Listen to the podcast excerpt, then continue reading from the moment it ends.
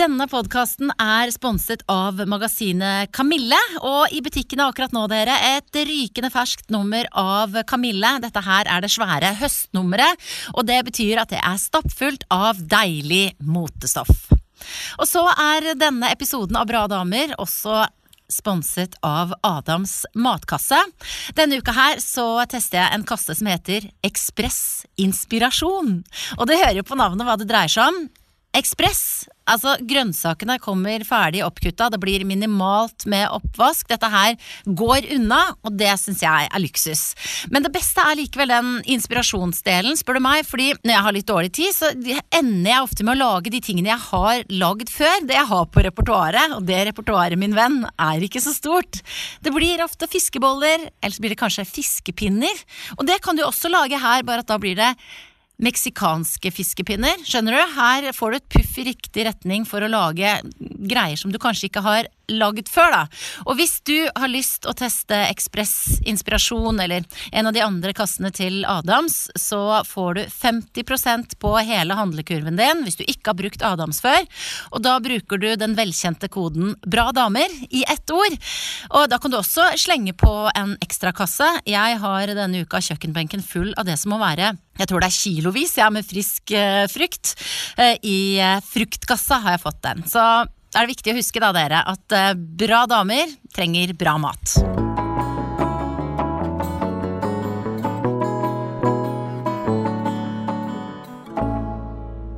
Dette her, kjære venner, er podkasten Bra damer. Guri Solberg heter jeg. og hver gang jeg lager denne podkasten, så inviterer jeg en dame, kvinne, jente som jeg har lyst å skravle med en halvtimes, times tid. Og stadig vekk så er dette her imponerende mennesker som har fått til mye, som har en spennende jobb, f.eks. Og det gjelder dagens gjest. Hun heter Camilla Viken, og hun er, hør tittelen, da. Generalsekretær i Unicef Norge. Ja. ja er, både generalsekretær og, og Unicef er imponerende.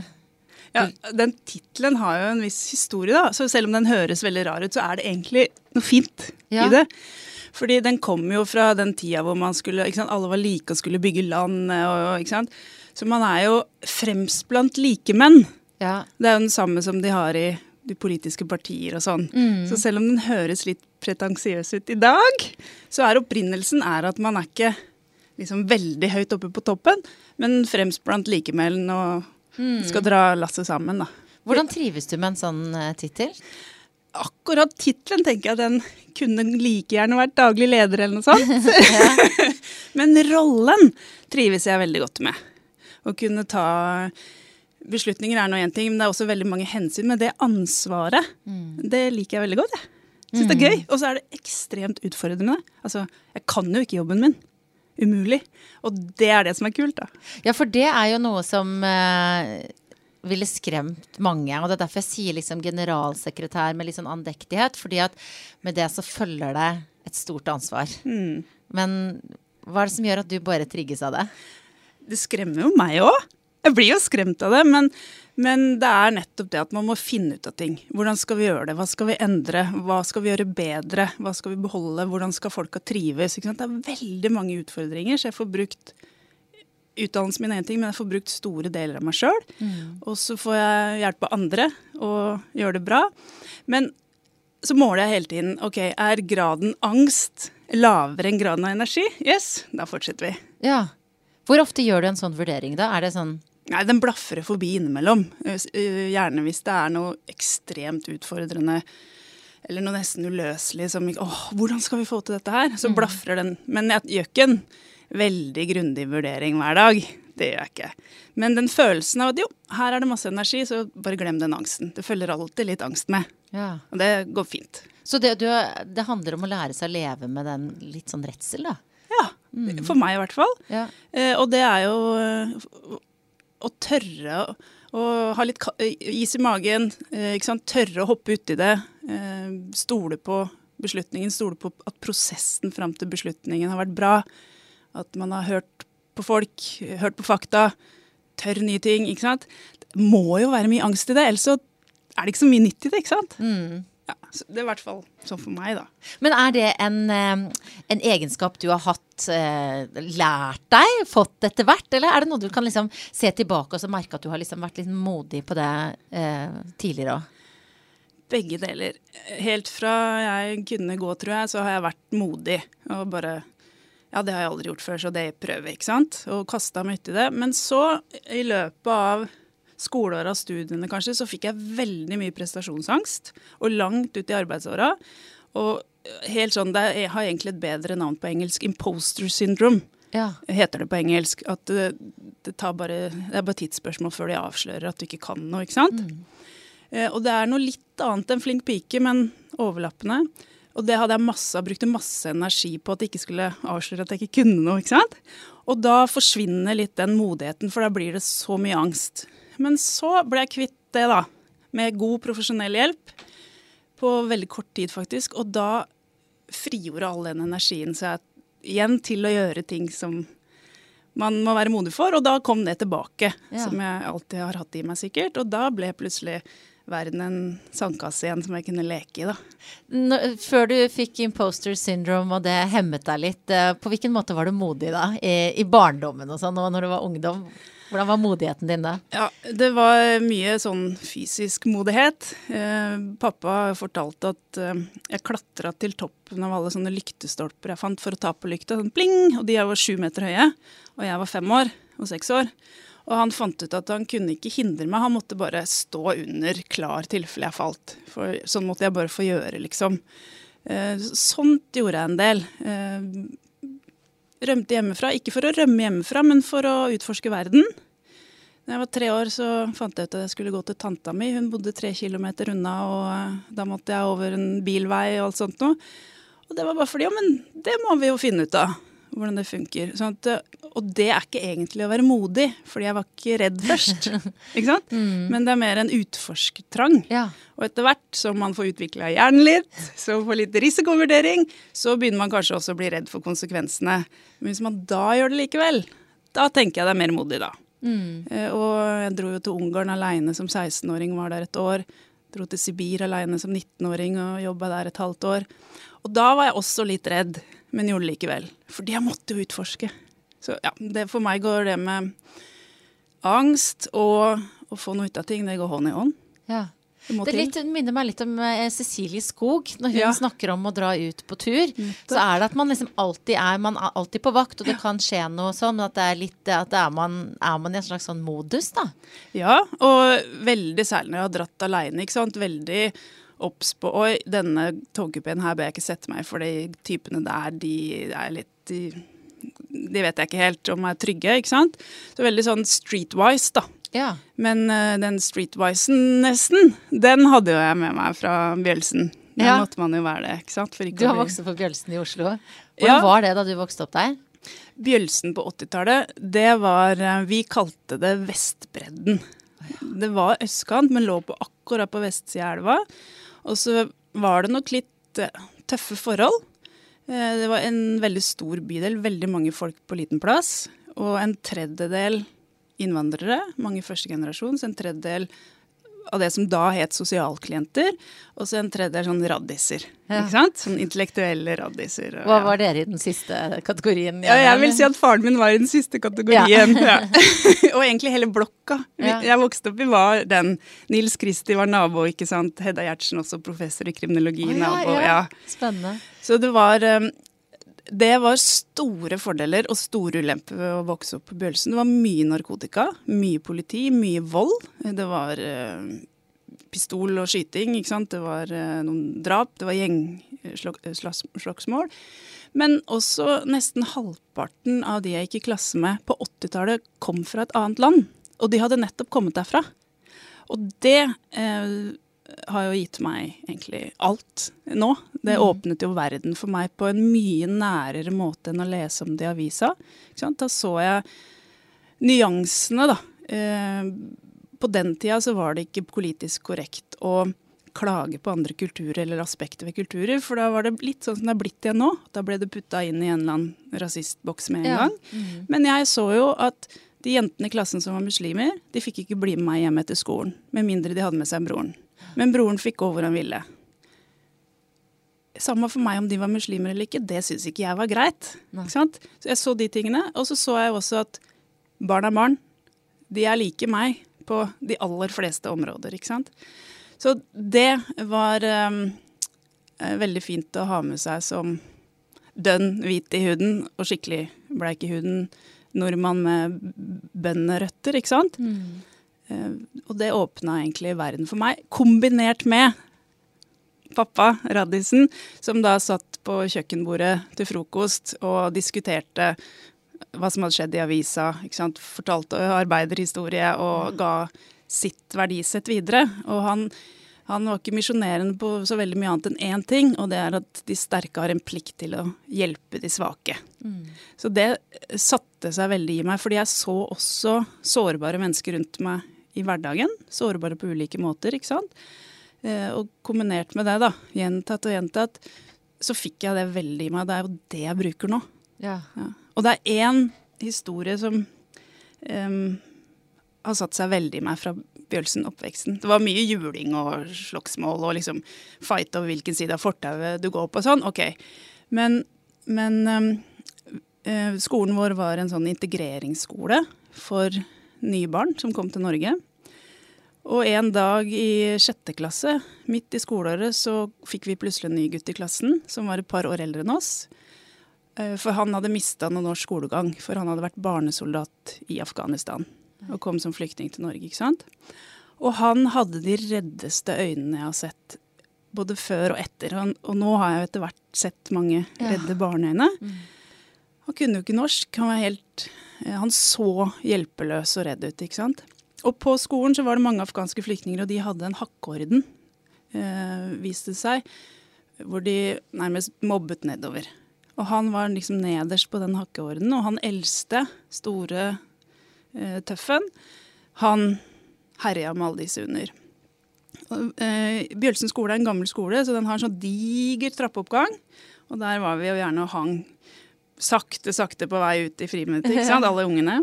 Og en dag så oppdaga jeg at han store gutten sto en etasje over og ropte ned til denne gutten i klassen min.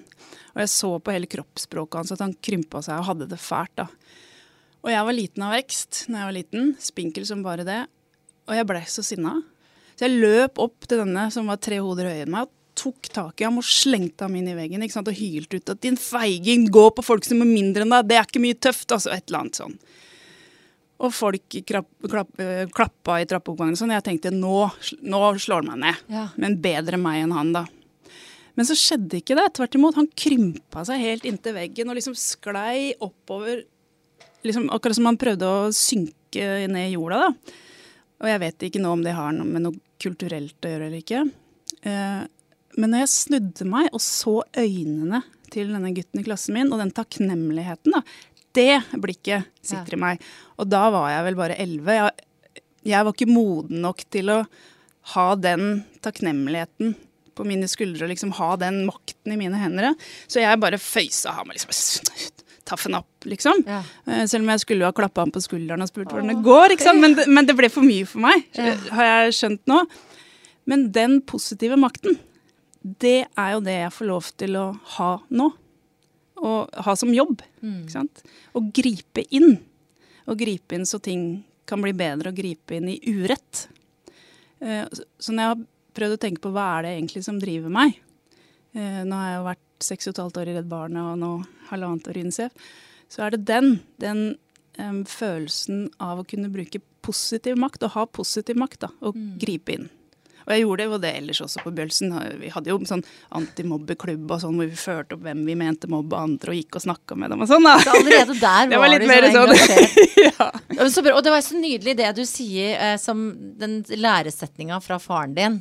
Eh, for hvis man skal, eh, sånn jeg ser det, da, liksom oppsummere hva som er gærent med samfunnet vårt, så er det gjerne at en del har glemt at de som er sterke, har en plikt til å hjelpe de som eh, ikke er så sterke. For det det der med at vi er sammen i det her, eh, og at det er ikke noe at vi fortjener noe bedre. Vi har mm. bare hatt sjukt flaks, de fleste av oss, som ja, eh, nettopp. Og det kunne like sånn gjerne vært meg, ikke sant, ja. der. Det er, det er, ikke noe forskjell på en sekretær og en direktør. Mm. Det er, I bunn og grunn er det, det er akkurat like mye verdt. da, Og en som har havna på kjøret. Det er en eh, rekke ting som har skjedd før det. Det kunne vært hvem som helst. Og så har det gått bra med meg her i livet. Mm. Heldigvis. Ja. Og da er det min plikt å hjelpe de som trenger hjelp.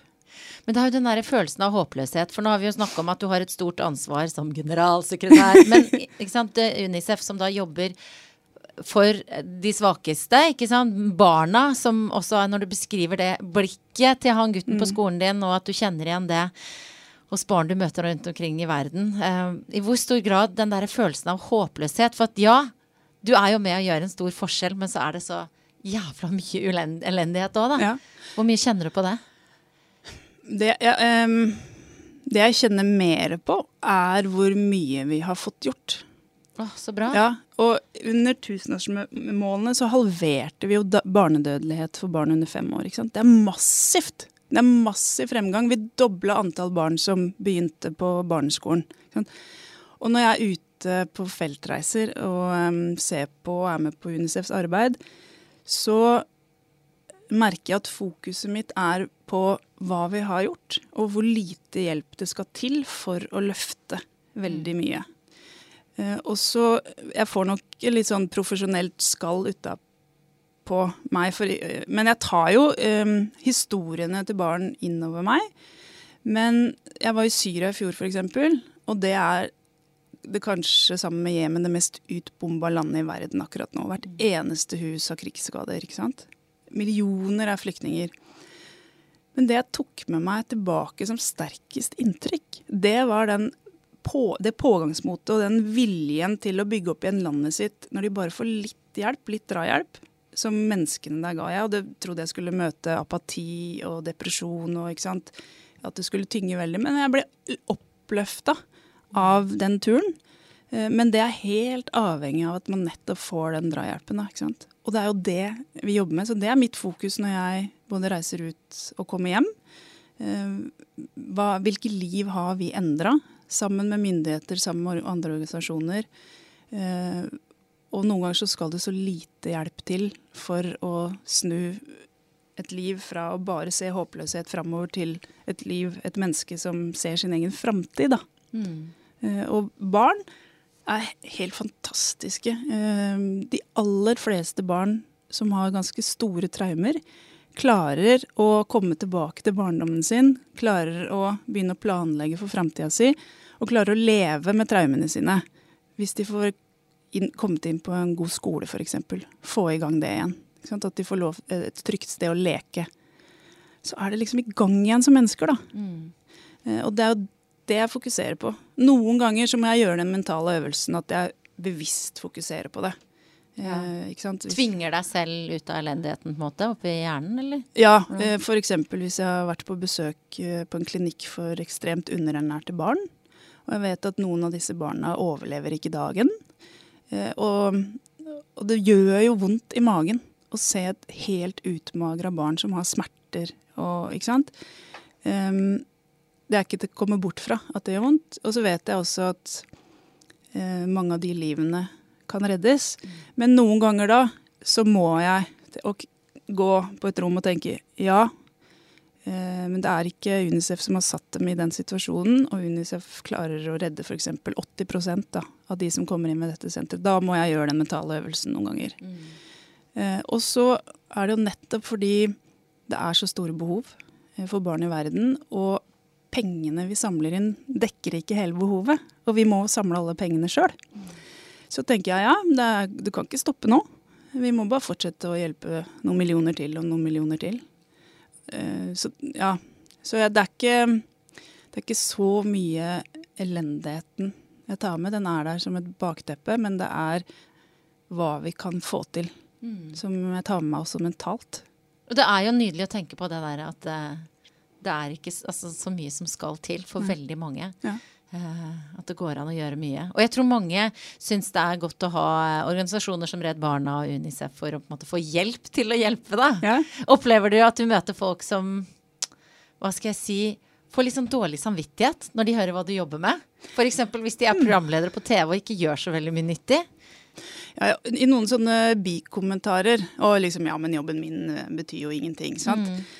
Uh, men uh, jeg hører mer at å, så kult at du ja. jobber der, så bra, stå på.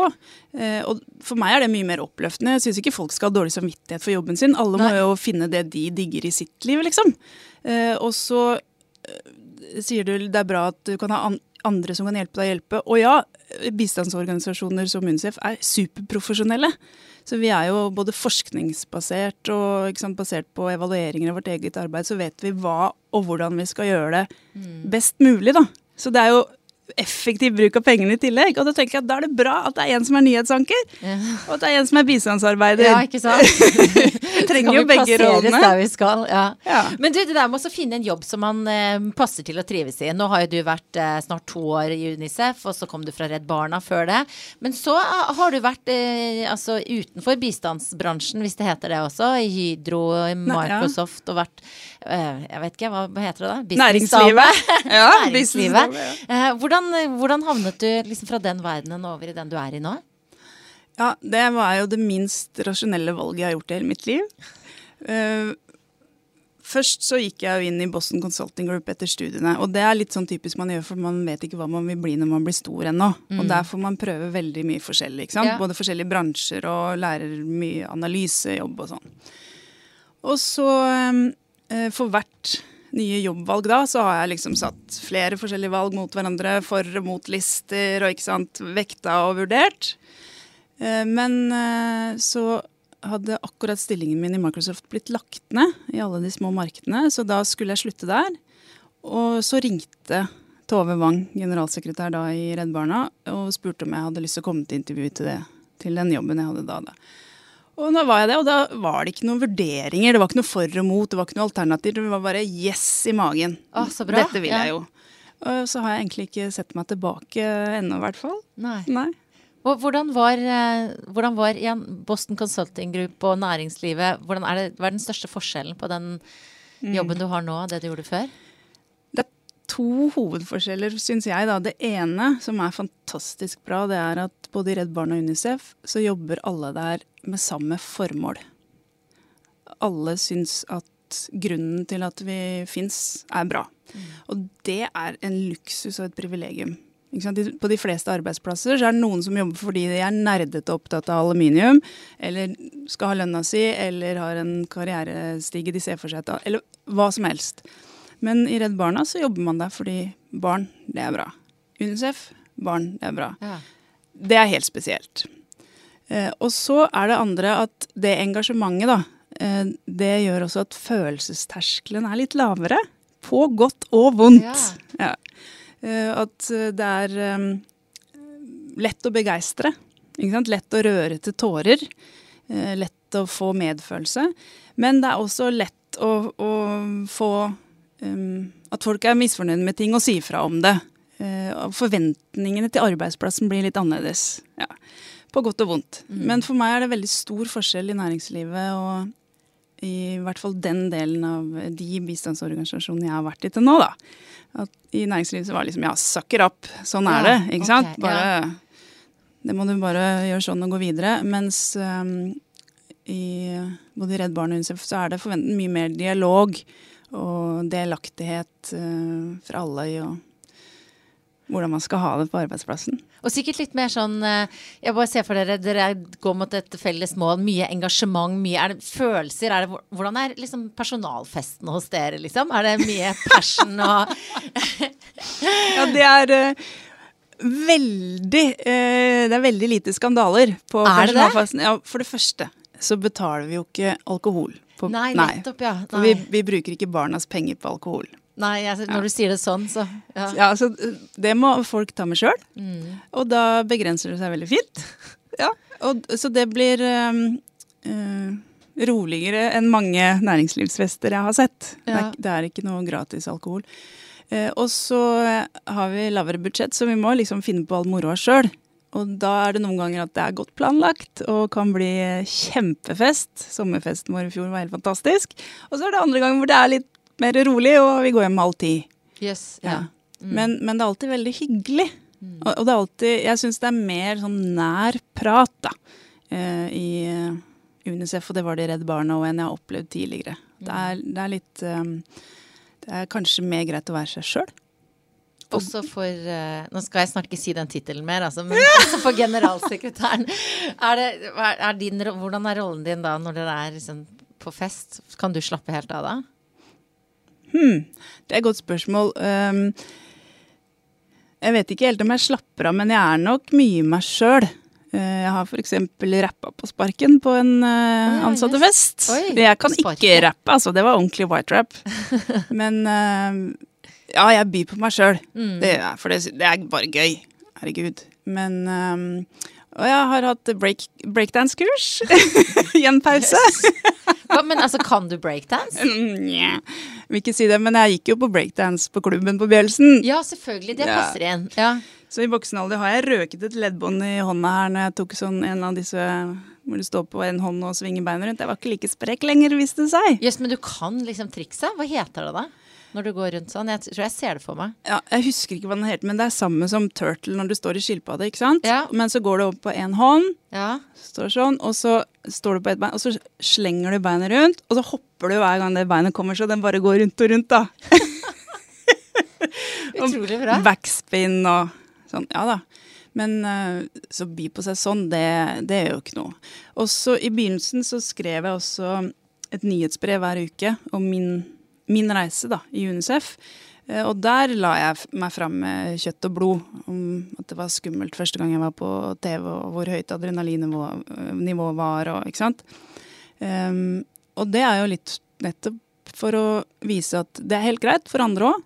Og uh, det, såpass må vi gjøre hvis vi skal tørre skumlere ting, som å bruke pengene våre på å prøve noe nytt.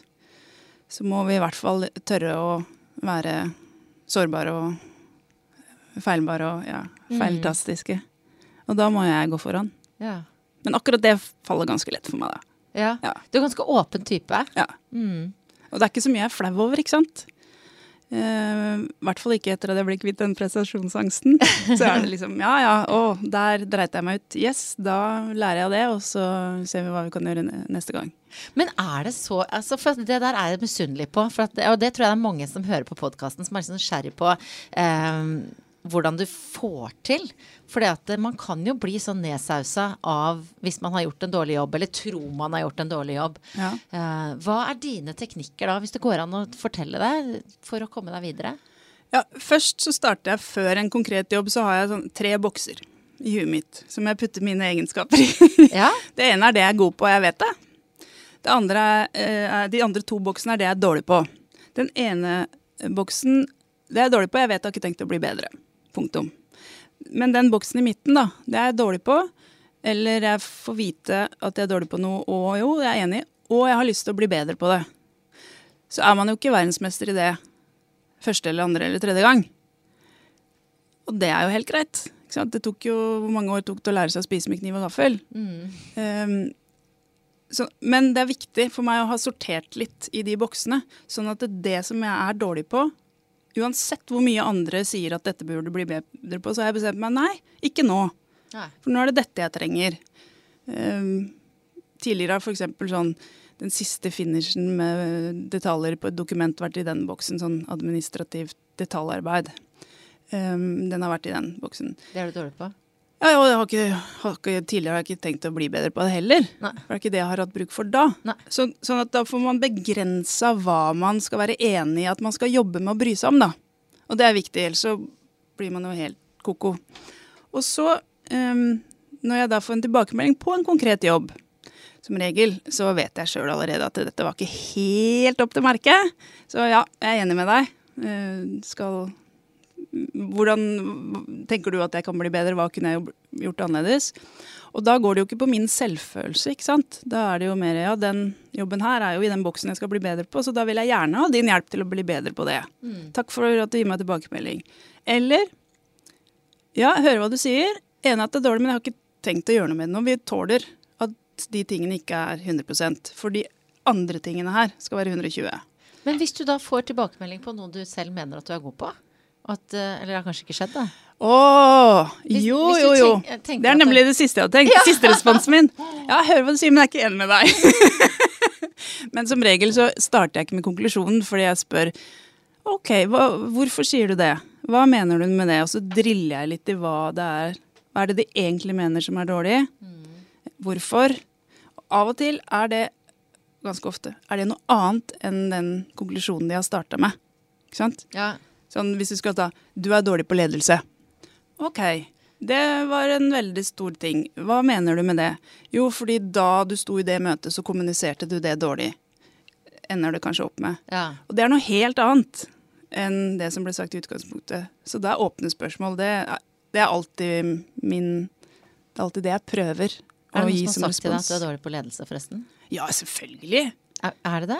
Altså, Ja, ja, ja. Men så eh, ender man gjerne opp på at ja, jeg vil kanskje ikke kategorisert det som ledelse, men den kommunikasjonen, den jobber jeg gjerne med. Selvfølgelig. Gjerne. Og man kan jo alltid bli en bedre leder. Ja, ja. Men du, det virker ikke som du mister hodet så ofte. Nei, det kan nok stemme. Hvordan, hvordan er det på privaten? Altså, du har jo barn. Eh, Jeg vet av erfaring at det er jo Da mister jeg hodet! Der kan man miste hodet. Ja. Hvordan, hvordan er du da? Har du sånne bokser du putter tankene ned i da òg, eller hvordan funker du der? Ja, altså der er det mer sånn eh, hvor lang er lunta-prinsipp. Ja, ok. Ja, og når jeg merker Jeg øver meg jo, det har jeg gjort i alle år. Så øver jeg meg jo på Oi, nå kjenner jeg lunta blir kald. Nei, la, kort. øve øver meg på å finne strategier som ikke er å kjefte, ikke sant? Eller sukke eller stønne. Eh, så det har jeg blitt flinkere og flinkere til. Gå inn i et hjørne og trampe med beina, eller eh, ta en eh, fem minutter på do og puste litt, ikke sant? Ja, ja. Ja, eh, men det er jo akkurat som å være leder. Det, å være forelder kan man bare øve på å bli bedre til. Ja. Man er aldri perfekt til det. Men der er det nok eh, litt eh, færre sånn, hva skal vi si, planer og strategier og kategoriseringer oppi huet. Men, eh, men i det hele tatt det med å kategorisere, og organisere, det gir meg ordentlig ro i sjela. Å ja. Ja. Det, den, jeg har tatt med meg favorittdingsen min. Ja, du, det må du godt, kan du gjerne fortelle nå. For som alle gjester så har Camilla fått Ja. beskjed om å ta med noe som sier noe om hvem du er. Et pennal. Det er en Dymo! Å, så du merker! Ja, og jeg har jo fått meg en moderne, og dette er en god gammeldags en. Den lager sånn god lyd, vet du, sånn når den kommer ut sånn. Og da kommer det ut én og én bokstav. Og det er liksom den gode gammeldagse med svart og hvit, sånn som vi husker fra Ja. Oi, oi. Ja. Hva er det du merker med dymoen din? Dymo eller dymo? Hva heter det? Dyno? Dym, Dymo. dymo? Det er jo um, Du, hva er det jeg ikke merker med det? Hylle, hyller. Ja. Her ligger eh, duker, der står vinglass, ikke sant? Eh, men jeg bruker den til to ting som gir meg ro i sjela. Det ene er organisering. Ja. eh, bokser i boden og alt det der. Men det andre er eh, scrapbooking. For jeg har drevet Oi. masse med håndarbeid, og de siste årene har det vært scrapbooking. Og da bruker jeg det til å lage captions, altså sånn bildetittel ja, på bildene. Oh, ja. Data og sånn.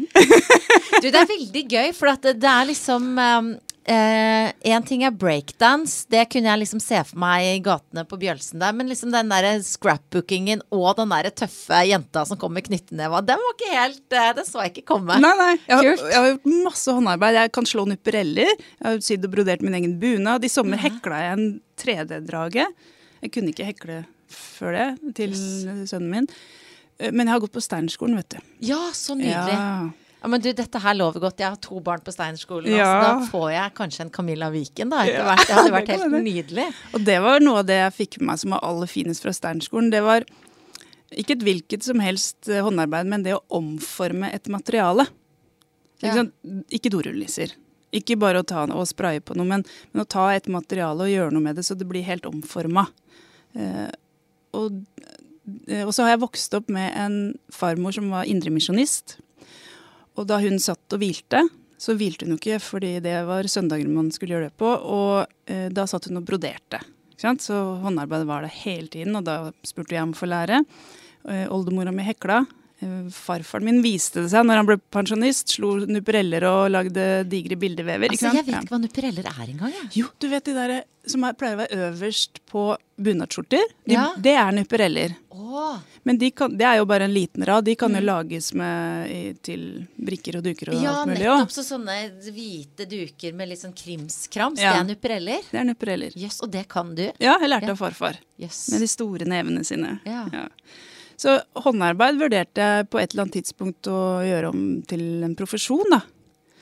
Um, Så jeg har vært der, liksom. Ja, når, når, når, Altså før du tok utdannelsen din på Stanford, liksom? Eller nå i det siste at du tenkte når jeg skal ikke nå i det siste. Liksom? Nei, ikke nå i det siste. Men nei, ikke å selge, ikke å lage sjøl, men å, å f.eks. ha et senter hvor folk kan komme og lære å lage ting. Mm. Eh, Jeg hadde julegaveverksted for vennene mine i 15 år. Og det var egentlig for å få noen å drive håndarbeid sammen med, for det er ikke så mange på min alder som gjør det. Men så endte det opp med at jeg måtte gå rundt og vise dem. Da var det stasjoner hvor du kunne lage ting med tre kriterier. Du skulle omforme et materiale, det skulle ikke ta mer enn en halvtime en time å lage det, og det skulle være noe nyttig. Eller til nød noe skikkelig fin pynt. Og så betalte folk bare for materialene, ikke sant? så jeg førte logg. Så jeg har 15 års logg med kostnader og inntekter, og hvor mange bivokslys som er blitt laga. Eller mange Tove og ulepler som er blitt laga. Og da så jeg at det var kjempepoppis. Vi var jo liksom en diger hjem. 15-20 stykker i stua mi som satt der og lagde ting. Um, tenkte jeg, hm, hva hvis jeg kunne hatt et helt hus hvor folk kunne kommet inn, eller klasse kunne kommet eller hva som helst, og lage ting som tar bare en kveld, da. Ja. Og er ordentlig. Og Men har du får- barn på Steinerskolen selv nå? Nei. Nei. Fordi jeg at jeg har det, og Ja. jeg ikke Stein, kjente ikke Steinerskolen så godt fra før. Så jeg har jo oppdaget nå litt Altså, jeg, jeg vet jo ingenting om håndarbeid. Så når det kom julemarked og vi skulle lage noe, da ble jeg invitert til en sånn kveld som Ja. du nå beskriver. Ja. Og var jo full av prestasjonsangst, for at jeg kan jo ikke en dritt. Men da fikk jeg fikk, Da var det toving og garnfigurer. Jeg fikk så god hjelp. Ja, Og der hadde jo du passa så godt Ja. inn. Ja. Så det var synd da at du ikke, ikke har de kveldene, du. Ja, men det litt, det krevde en del kapasitet, da. Og sant, håndarbeid har eh, Jo mer kapasitet jobben har tatt, jo mindre kapasitet har jeg hatt til sånt. Mm. Ja. Men eh, jo, det vurderte jeg på et tidspunkt. Jeg har holdt på med masse med kalligrafi også tidligere. Ja. Så um, jeg lærte litt, gikk kurs um, på kurs hos Kristoffer Hånes, som er en av Norges første kalligrafer. Oh, ja, jøss. Så det, men det er et langt spenn derfra til økonom og statsviter og næringsliv og ja. Men, eh, men når du da gjør det, om det er håndarbeid eller altså sånn, er det er det noe ved jobben din som gjør at du trenger noen sånne håndfaste ting å skal jeg si, stresse av eller koble fri med, eller? Ja, eh, det gir meg ro i sjela. Så når jeg, når jeg ikke får gjort håndarbeid, så lager jeg digitale skrappesider, da. Og det er jo ikke sånn clash-clash, det er grafisk design, Ja. men digitalt. Så det har jeg på telefonen min. Ja. Jeg lager fotoalbumene på telefonen min. Eh, og da med det gylne snitt og alt mulig bruker dagevis på én side. Og det er sånn ro i sjela. Da kommer jeg inn i flyt og merker ikke at tida går. ikke sant? Men det er, gjør også organisering. Mm. Så, og nei, nå er smykkeskuffen min rotete, nå må jeg organisere. Skal vi se, Hvilke kategorier skal jeg bruke denne gangen? Skal jeg sortere etter farger, eller skal jeg sortere etter type? Da er jeg helt i zen, da. Jeg må tenke liksom, nei, vi tar noen nye kategorier denne gangen. Jøss, men er du sånn motsatt òg? Sånn, jeg er litt sånn at hvis det er veldig rotete, så uh, klarer jeg ikke å slappe av. Altså jeg må ha det Nei. Nei, Jeg bryr meg ikke om at det er rotete. Nei. Det tåler jeg helt fint. Og det er ikke ryddig hjemme hos meg. Det bryr meg ikke. Men, at, men jeg, hvis jeg vet at den har en plass, det er en boks til den type ting, ja, da er det fine. Ja, ok. Ja, men jeg er skikkelig tårnfrid, altså. Tusen tårnfrid-triks. Og, øh, å nedprioritere et clean og shiny hjem, det har vært helt eh, nødvendig hvis man skal fokusere på andre ting. Da. Og jeg måler alltid liv i cost-benefit. Fortell hva du mener med det. Ja, altså Koster dette mer enn det smaker, da gidder jeg ikke å gjøre det. Da er det ikke verdt det. Og når det gjelder å holde et eh, hjem ryddig når du har bare x antall timer til rådighet, det, det, det, det koster ved å skulle gjøre det hele tiden, er eh, mindre tid med ungene f.eks., eller mindre tid til sånne ting som gir meg masse mer. Eh, og siden de timene er færre nå da, enn da jeg var student f.eks., så blir de mer verdifulle. Altså at kostnaden ved å ikke få dem øker. Da går det til rødt. Ja. Og da er det ikke så farlig med det. Så du har økonomens blikk på, eh, på livet sjæl også? Ja, ja. Ja. Men ikke nødvendigvis i tall. Altså En kostnad kan jo være følelsesmessig. Mm. Ja, ja. Eller estetisk, eller sånt. Ja. Eh, og dessuten, den vurderingen er jo forskjellig fra menneske til menneske. Ja. Hva som er kostnad for dem. Men eh, sånn som hjemmebakst på alle skolemøter og idrettslagmøter og sånn. Nei, nei. Det er det ikke verdt. Hva gjør du da? Kjøper boller i butikken, ferdig. Putter i en kurv med fin duk, putter oppi. Hjemmebakt. Mm. Opplever du noen gang kan du, at du får noe blikk pga. det? Det du... Nei, ikke da. Men Nei. hvis jeg hadde kommet med en Twist-pose, ikke sant, Eh, så hadde jeg nok uh, følt mer på den forskjellen og samvittigheten, da. Mm. Men uh, hvis man bare gjør det lille ekstra, og det koster ikke så mye å helle det opp i en kurv. Og kurven har jo, ikke sant? Nei. Ja, så er det fint nok, da. Ja. Ja. Man må ta noen valg. Ja, ja, ja. Ja. Jeg snakka med Silvia Ceres, som du kanskje kjenner Ja. til. eh, Hun har jeg ikke snakket så ungarsk med. Oh, har du det? Ja. for du kan selvfølgelig ungarsk. Ja, du har jo bodd i Ungarn. Ja. Eh, hvor, hva dro deg til Ungarn, forresten? Ja, det var to ting. Det ene var at jeg var den første i verden. Som, altså det var første um, studentutvekslingen, da. Elevutvekslingen uh, etter jernteppet. Og det er alltid kult. I hvert fall var det da jeg var 16 og var den første i verden. Uh, Men så var det også det at jeg hadde vært der i 1986 på en sånn ungdomsleir, sånn pionerleir, og det syns jeg var helt forferdelig. Og så husker jeg nå, og det er jeg litt uh, forbauset over fortsatt, så husker jeg at jeg tenkte men det kan jo ikke stemme at det er så forferdelig der, for ellers så hadde jo ikke alle de folka giddet å bo der. Det må jeg dra og sjekke, om det faktisk stemmer. Mm. Og det er nesten en litt sånn voksen tanke. Ja, det vil jeg si. Men uh, jeg husker jeg tenkte det. Uh, jo, jeg drar til Ungarn. Uh, og det var helt fantastisk. Fantastisk land å bo i. Og de feirer jo alt. De feiret navnedag og tre måneder siden du kom hit-dag. Med sånn overraskelsesfester, ikke ikke ja. sant. Og gaver og leker og Og så er det verdens kuleste språk. Ja, og det kunne jo du da snakke med Silvia Ceres, som eh, nylig har vært gjest her i denne podkasten. Og grunnen til at jeg nevnte henne, er at hun, hun har heller ikke med seg hjemmebakst. Nei. Eh, Hun rekker ikke butikken engang, av og til. Eh, Så hvis, men hun var også ganske tydelig på det at at mange, kanskje kvinner spesielt, lager litt for vanskelig opplegg for oss sjøl. At vi må bare senke kravene litt. Og da, jeg syns det er nydelig. Vi må bare kjøpe boller og rotete hjem. Altså, nå er det ikke nødvendigvis bare sånne Høres ut som det var bare kvinnenes oppgave, men senke krava litt, grann, da, Ja, ja. for å gjennomføre. Ja, og jeg har nok høye krav, men jeg er veldig nøye på hva jeg har høye krav på. Nettopp. Og prioriterer det og putter det i disse ulike boksene, da. Hva er, hva er aller viktigst for deg? Det aller viktigste for meg er at jeg er i noenlunde balanse sjøl. Ellers så er jeg ikke noe særlig nytte på jobb, og jeg er ikke noe særlig bra for eh, barna mine og mannen min. Eh, Så ta på deg din egen maske først, ikke sant. Og dernest så er det jo familie og jobb. Mm. Mm. Og få gjøre det så godt som man kan da, i den situasjonen man er i. Og jobb for meg er også litt sånn fristed. Eh? Der, da henter jeg masse energi, da får jeg brukt meg sjøl. Eh, de kravene som kommer på meg, og henvendelsen som kommer til meg, er helt annerledes enn det man har hjemme. Ja. Ikke sant? Det er sånn mamma, mamma, mamma. Ja, ja. Så eh, jeg må ha den balansen. Jeg må ha både jobb og familie. Ikke Jeg kunne faktisk ikke holdt ut med, tror jeg, å være 100 hjemme. Mm. Eh, nei, det ville ikke gitt meg eh, balanse. Da ville jeg ikke vært noen god mor heller, tror jeg. Påvirker det måten du er mamma på, det at du jobber med barn, eh, og barn som er i en ganske annen situasjon enn dine egne? Det er et godt spørsmål. Jeg har ikke tenkt på det på den måten. Men jeg prøver jo å ikke komme hjem til barna mine som sutrer over at de ikke har siste iPhone. Så prøver jeg å ikke sette opp sammenligninger med jeg har akkurat kommet hjem fra Etiopia. Der sulter de.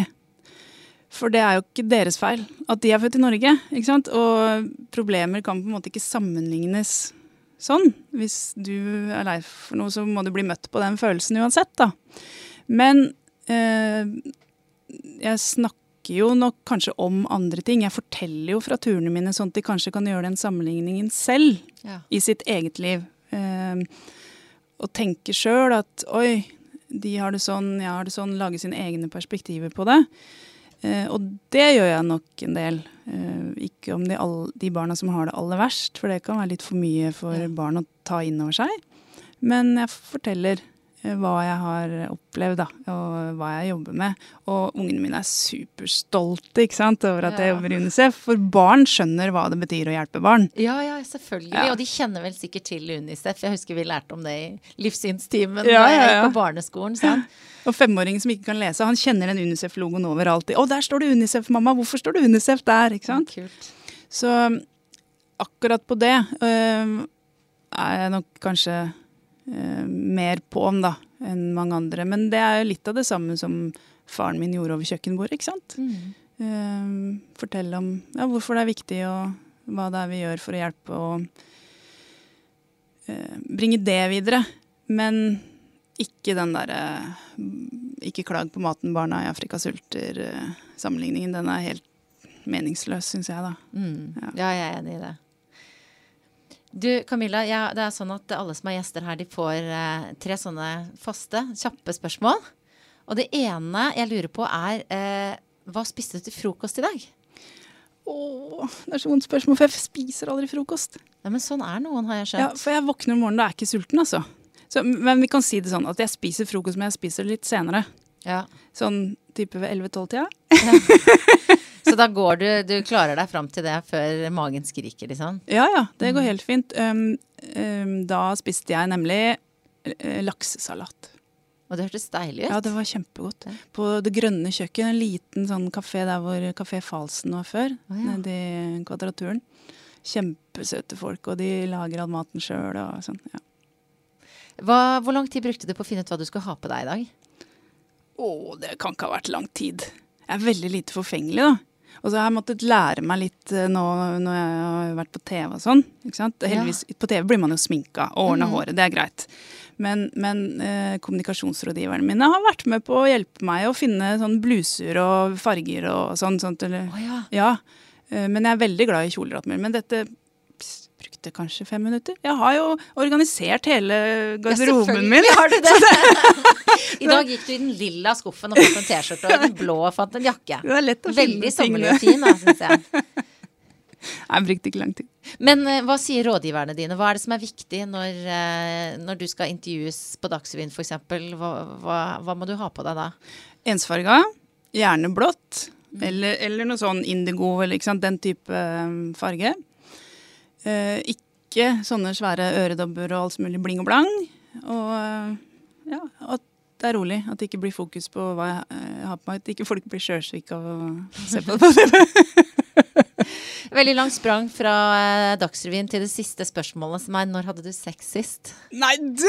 Nei. Spør du om det? Ja, og jeg spør om det. Og Svarer folk på det òg? Nei, de svarer ofte sånn som ja. deg. Og, og, og, det er ikke Det som er det var morsomt, for akkurat, akkurat, i dag så fikk jeg Av og til så får jeg får mye tilbakemelding fra dere som hører på. Det setter jeg så pris på, folkens. Eh, takk for det. Og så var det en som sa nei, kan du ikke ta, ta, slutte med det spørsmålet? For det er så mye fokus på sex i samfunnet og sånn. Eh, og det er jeg jo for så vidt enig i, men jeg føler at det spørsmålet handler om alt annet enn sex. Ja, det er bare Det er veldig gøy når med den reaksjonen. og så kan vi bare stoppe der, så behøver vi ikke Jeg er jo egentlig ikke så interessert i sexlivet ditt. Det er bare morsomt å sjokkere deg. Det skjer men, alltid noe og så er det litt altså Selve det der med å bli dratt utpå, da, ja. når man blir intervjua. Fordi mm. man føler seg forplikta til å svare. ikke sant? Man ja, vet man blir tatt opp og sånn. Og, så, og, det har jeg sett i flere tilfeller, at ja, men det der kunne du jo bare latt være å svare på. ikke sant? Enn å, enn å eh, bli utfordra på integriteten din, f.eks. Ja, ja, ja. Eller drite deg ut. ikke sant? Noen ganger så er det bedre å bare være stille. ja, ja. Så der, vet du hva, der kan, du, kan, kan eh, dine kommunikasjonsrådgivere kan de notere et pluss i margen. At det taklet du med humør, smil, profesjonelt, uten å miste troverdighet. Selv om noen er jo eh, åpne som bare det, men det er forskjell på folk. Ja, ja, og folk må gjerne være åpne om det, altså, men jeg ja. kommer ikke til å svare på det. Men du, jeg lurer forresten på én ting til, men det tror jeg du klarer å svare på uten å bli flau. Og det er eh, hvordan vil du beskrive en bra dame? En bra dame? Mm. Ja, For meg, da, hvis det skal være en bra dame som jeg har lyst til å være sammen med, så er det én ting som skiller seg ut, og det er litt sånn energi. Ja. At det, det, kommer en eller annen energi eh, ut derfra. Eh, og, og, hvis jeg skal se på liksom, de jeg tenker på som jeg har samla meg gjennom livet som er bra damer rundt meg, så er det én ting til, og det er en eh, klokhet. Mm. Når man prater med dem, så merker man at de har vært ute en vinternatt og en høstnatt og en stormnatt. At de har eh, perspektiver, at det ikke bare er ett svar. At de eh, har blitt utfordra sjøl, og utfordrer gjerne meg som en god venninne også, ikke sant. Ikke bare eh, møter og jatter med, men, men eh, de to tingene, den energien eh, av en eller annen grunn. Det er mange eh, måter man kan ha energi på, og den at man har levd litt i livet, da. Mm. Eh, og blitt litt klok av det. Ja. Og så trenger det heller ikke å være at de har fått til noe eller sånn. Jeg kjenner bra damer som aldri har hatt noen ambisjoner, eh, og som er dritbra damer, ikke sant. Men som allikevel har en dybde og livserfaringer som de tar med seg, da. Ja. Det var en god beskrivelse. Det, det, er vanskelig av og til når man skal liksom pinpointe hva man setter pris på, men uh, jeg, mm. jeg, det høres ut som en dame jeg hadde mm. lyst til å snakke med der du beskrev der. ja. Sånn som deg, Camilla. Tusen takk for at du var med i podkasten min. Takk for at jeg fikk være med. Det er stas.